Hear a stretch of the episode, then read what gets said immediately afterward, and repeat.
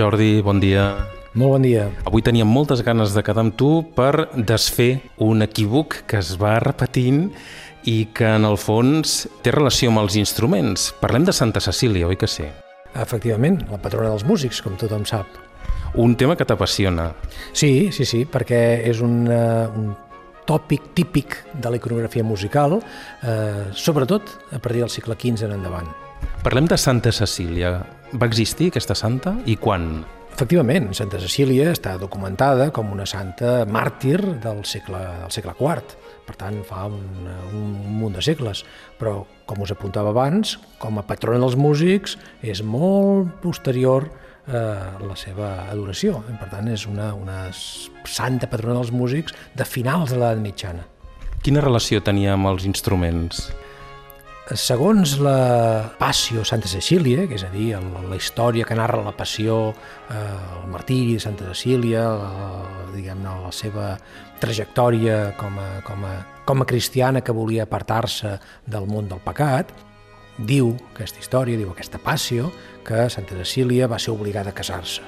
Quan anava cap a l'altar, sentia una música i ella dins el seu cor anava repetint Déu meu, Déu meu, no em deixis eh, sentir aquesta música perquè no es confongui el meu cor.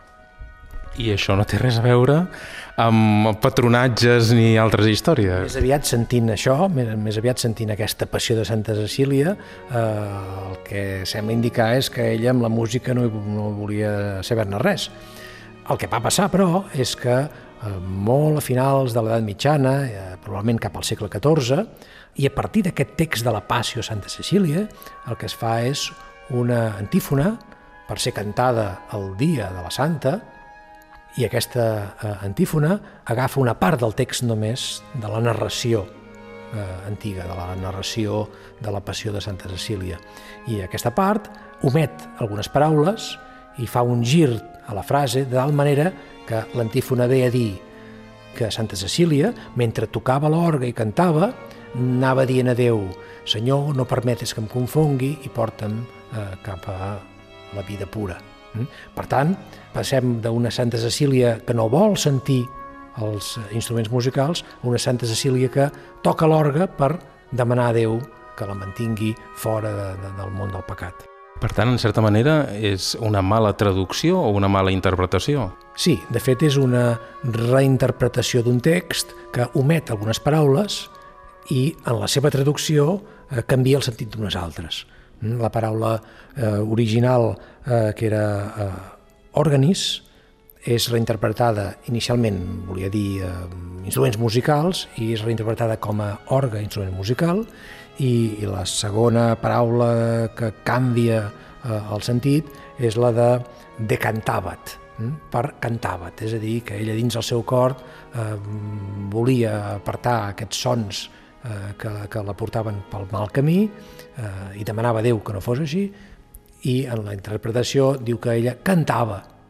Acompanyada d'orga, demanant a Déu que, que anés pel bon camí. Per tant, aquesta eh, omissió de paraules i canvi de significats fa que ens trobem una santa que no volia la música per una santa que, que és la patrona de la música des del segle XV.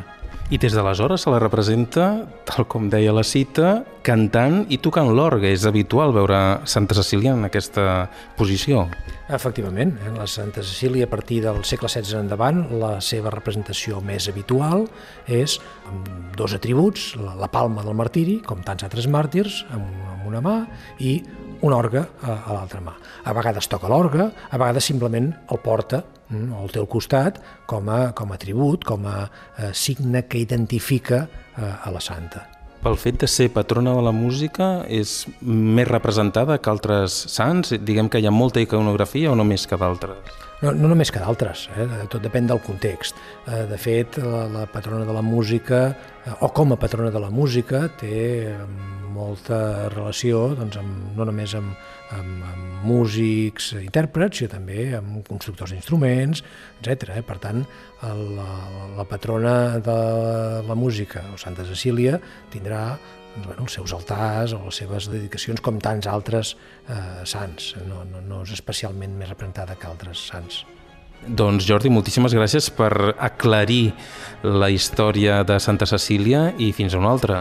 Moltes gràcies a vosaltres i espero que aquesta petita explicació doncs, hagi d'alguna manera portat llum a aquesta santa tan, tan pròpia dels músics i tan pròpia, per tant, també del, del vostre programa.